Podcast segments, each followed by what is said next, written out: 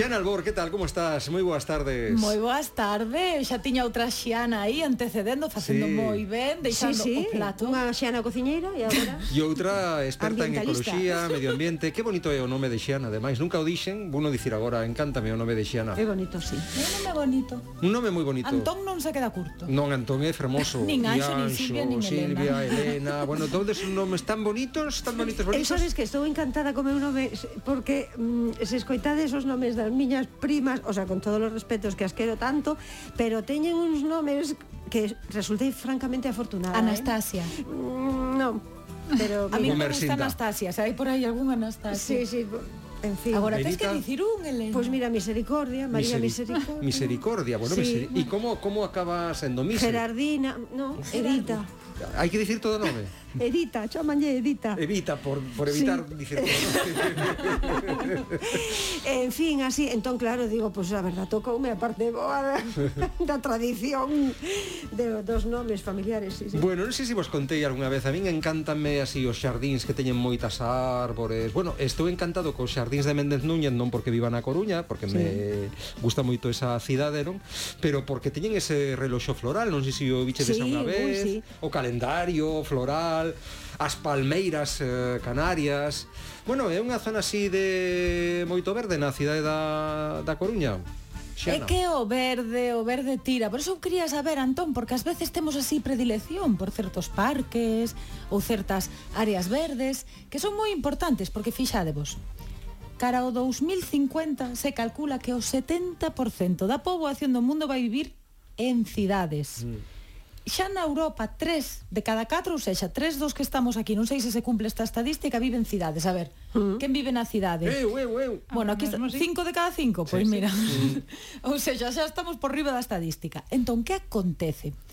As cidades teñen moitas comodidades, temos farmacias, hospitais, tendas, mas teñen cousas que non nos sentan tan ben, pois no tema da saúde física e mental, ás veces estar todo o día metido aí entre concreto, pois non é tan bo. Xa. E as zonas verdes, traer bosques urbanos, enverdecer as cidades, que a mí me dá rabia que esa marca de cerveixa sacara ese logo tan bo, porque xa non o podes dicir. Pero o verde é importante. Por qué? Pois mira, por certas cousas. Por un lado, reduce a temperatura.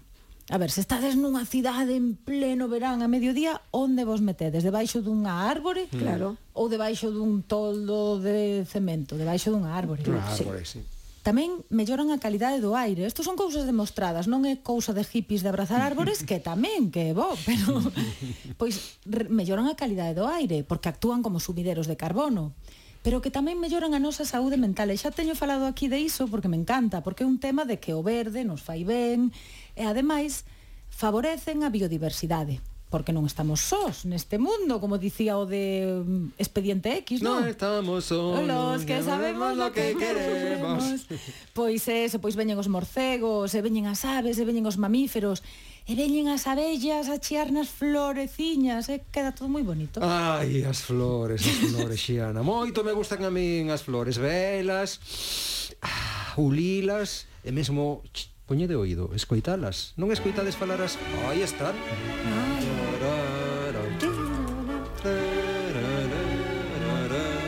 Ai, quen me acaba de pisar? Foi Silvia. Non me dei conta.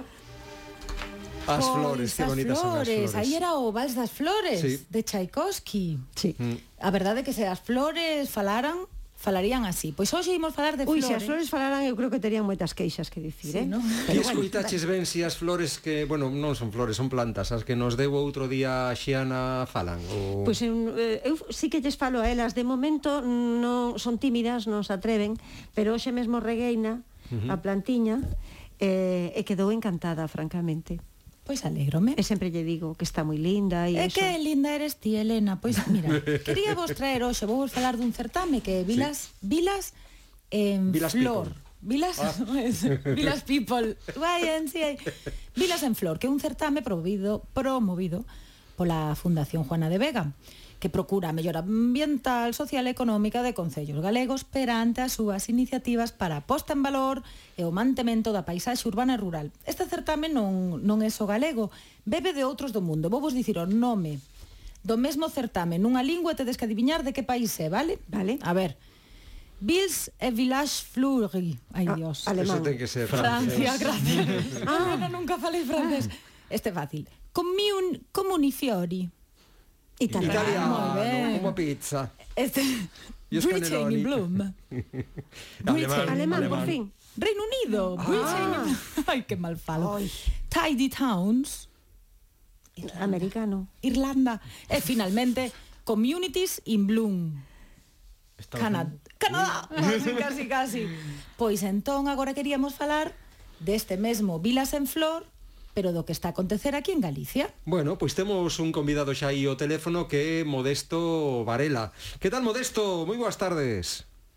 Ola, boas tardes. Modesto, ti és o encargado de parques e xardíns do Concello de Chantada? Así é, así é. Bueno, Modesto, o ano pasado o Concello de Chantada arrasou, elevou catro flores de honor no, no certame dun máximo de cinco flores. Que tal vos foi este ano?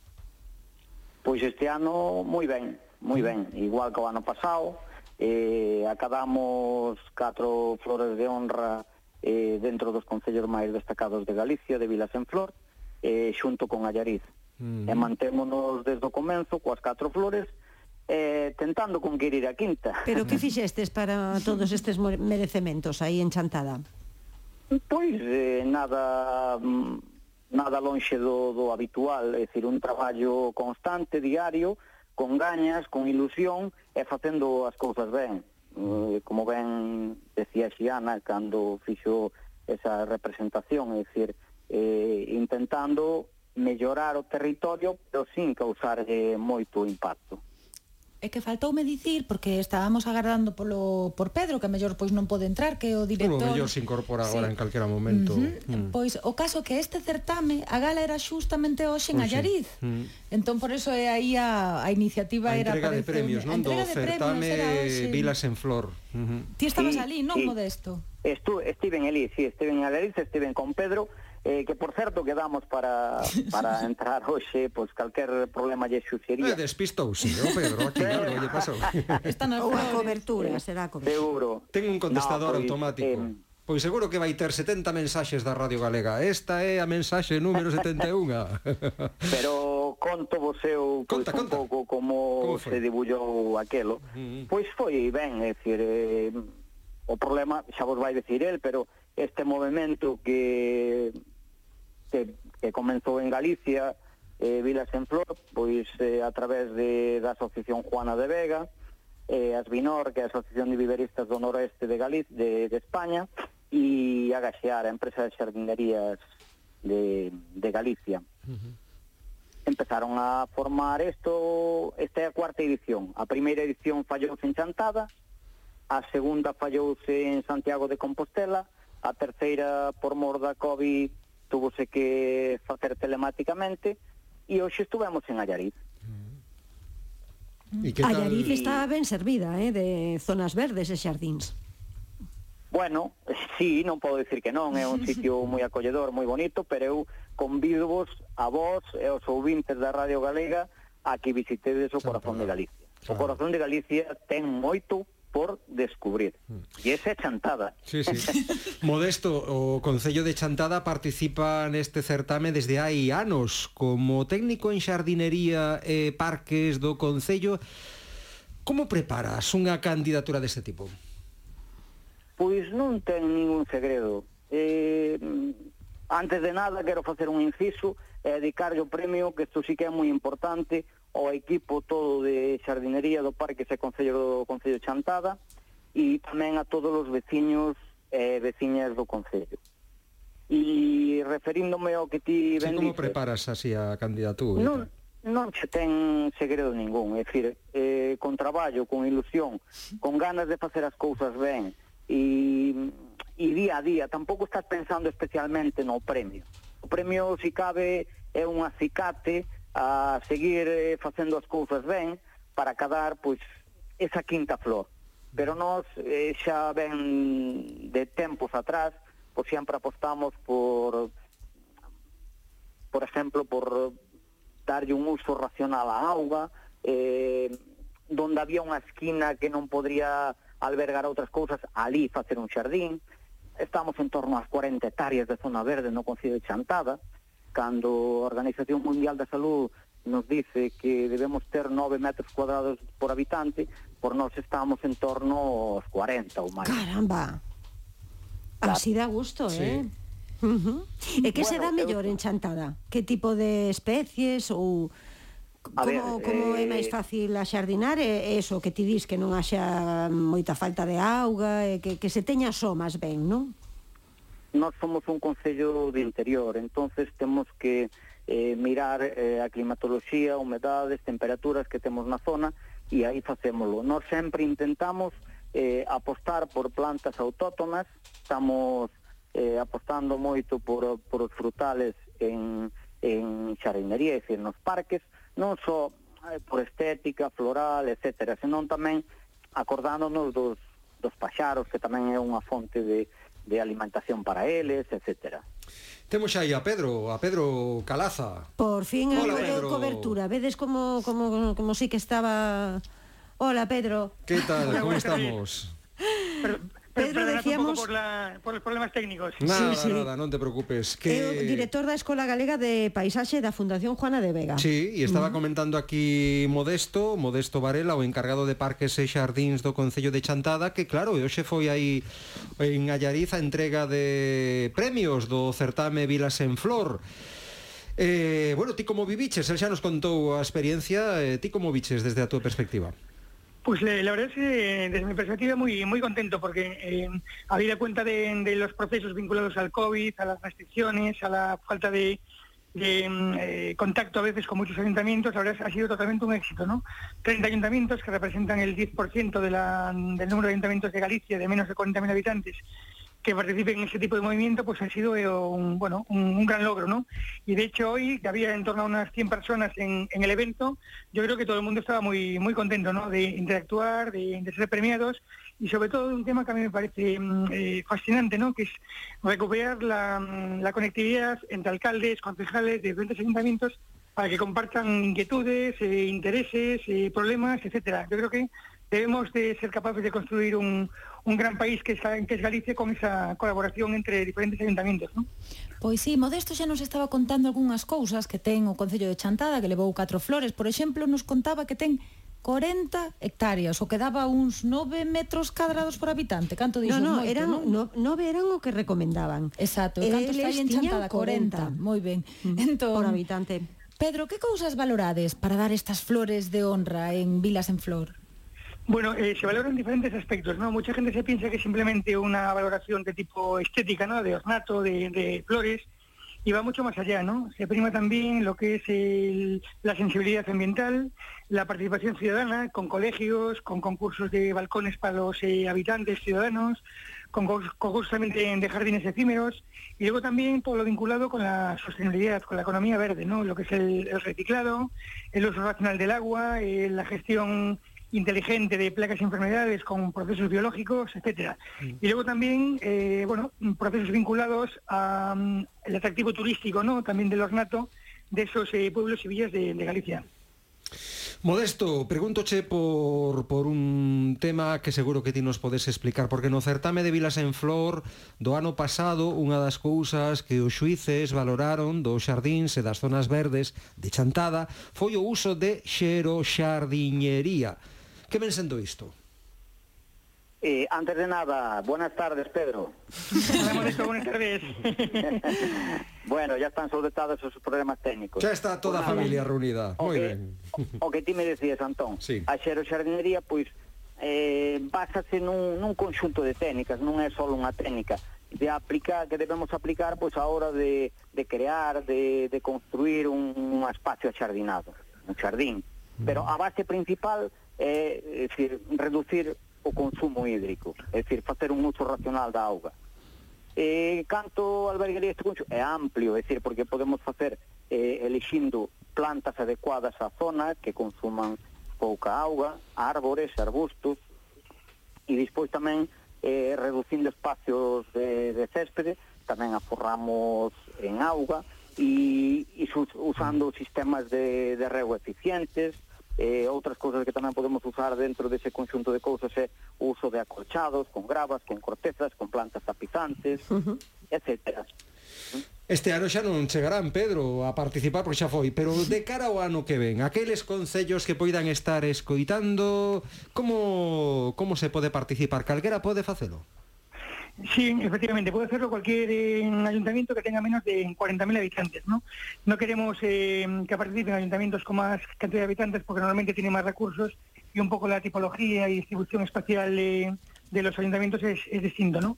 Si, si, un ayuntamiento quiere participar, simplemente se debe poner en contacto con la Fundación Juana de Vega, manifestar su, inquietud en participar en el, en el, movimiento y ya inmediatamente pues no, nosotros nos ponemos en acción, contactamos con ellos, les explicamos un poco el proceso de, participación y en, normalmente en septiembre o u octubre un jurado compuesto con, por profesionales de reconocido prestigio visitarán el, cada ayuntamiento y en función de unos ítems de valoración eh, que están agrupados, como os comentaba antes, ¿no? en temas de patrimonio, en temas de, de respeto medioambiental, de actividades de turismo, etcétera, pues valoran cada ayuntamiento, ¿no? Y luego, pues obviamente, pues se culmina con ese certamen como hemos tenido hoy en, en Ayarit. Uh -huh. Hai un proverbio chinés que di, se queres ser feliz, se queres ser feliz unha semana, vaite de viaxe. Se queres ser feliz un ano, casa. Mm. Pero se queres ser feliz a vida toda, faite xardiñeiro. Oh. Modesto, non sei se é o teu caso. bueno, a verdade é que o meu caso, que sou xardineiro e son feliz. Pero non sei se é certo o proverbio ese ou non, pero eh, levantarse a mañá con gañas, con ilusión, con motivación, eh, e ir ao teu posto de traballo mm, libre, é dicir, con, con, con ese ímpetu e con esas ganas, para min é esencial. Entonces aí está a felicidade. Aí está, sí, pues señor. Pode, pode ser certo ese proverbio, eh? eh Pedro, eu quería che preguntar pola Escola da Paisaxe da Fundación Juana de Vega, como é que se fai nesa escola? É un, eso, un, un, un centro de estudios ou é máis ben un lugar para especialistas? En fin, ti me dirás. Mira, un, simplemente una, un, un, matiz preliminar, ¿no?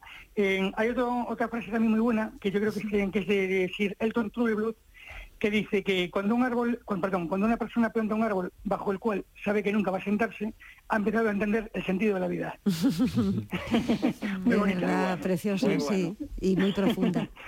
pues mira, que te decía la escuela de la Fundación Juana sí, de Vega. Sí. Mira, la escuela se fundó en el año dos, 2009, ¿no? para intentar en cierta medida pues eh, eh, interactuar y, y, mejorar lo que es el paisaje en Galicia. ¿no?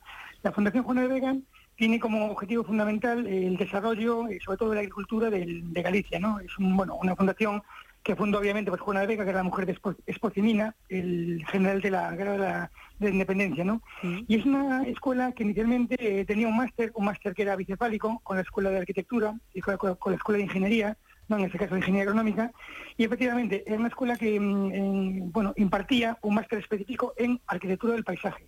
¿Para qué? Para dar un barniz eh, vinculado a la sensibilización, sensibilización perdón, ambiental, ordenación del territorio y paisajismo arquitectos e ingenieros de, Galicia.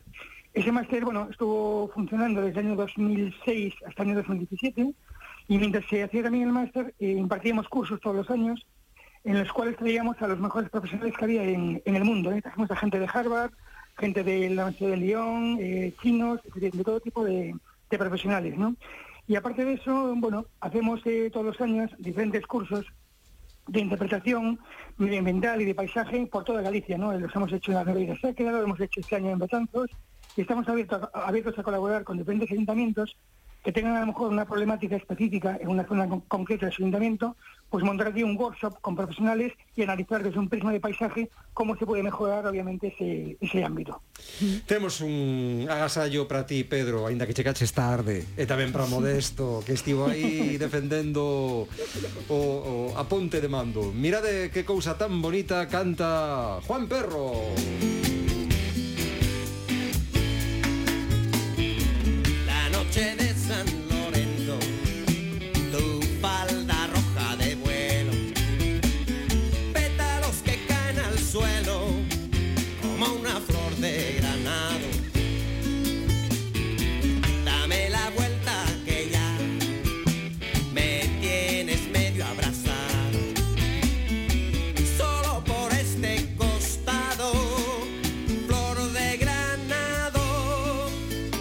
estades xa convencidos e convencidas. Que bonitas son as flores. Hai que gozar delas véndoas. Ulíndoas Escoitándoas.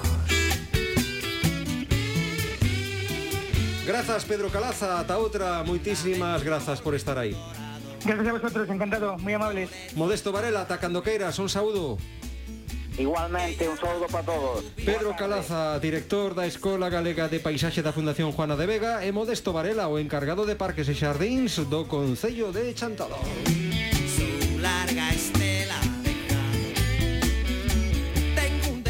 Bueno, pois pues, Xana, imos continuar Xaves, eh, que bonita temos a planta que nos deixaches aquí Que está que non para de medrar Pois pues claro que si, sí, atrae ah, felicidade, bueno, un xeito Damoslle así de beber, contamoslle contos sí, sí. Non lle deades de beber demais, que xa sabedes que as plantas maiormente morren por exceso de auga, ah, non sí, por defecto E sí. como saber canto é o Normalmente suficiente? tes que introducir o dedo e se sae manchado non arregues Sí, ah, sí, vale, vale. Ese é casi como truco, intenta regala por abaixo, non por arriba. Ai, mira, te manchado o dedo, Elena, entón xa probou, ves?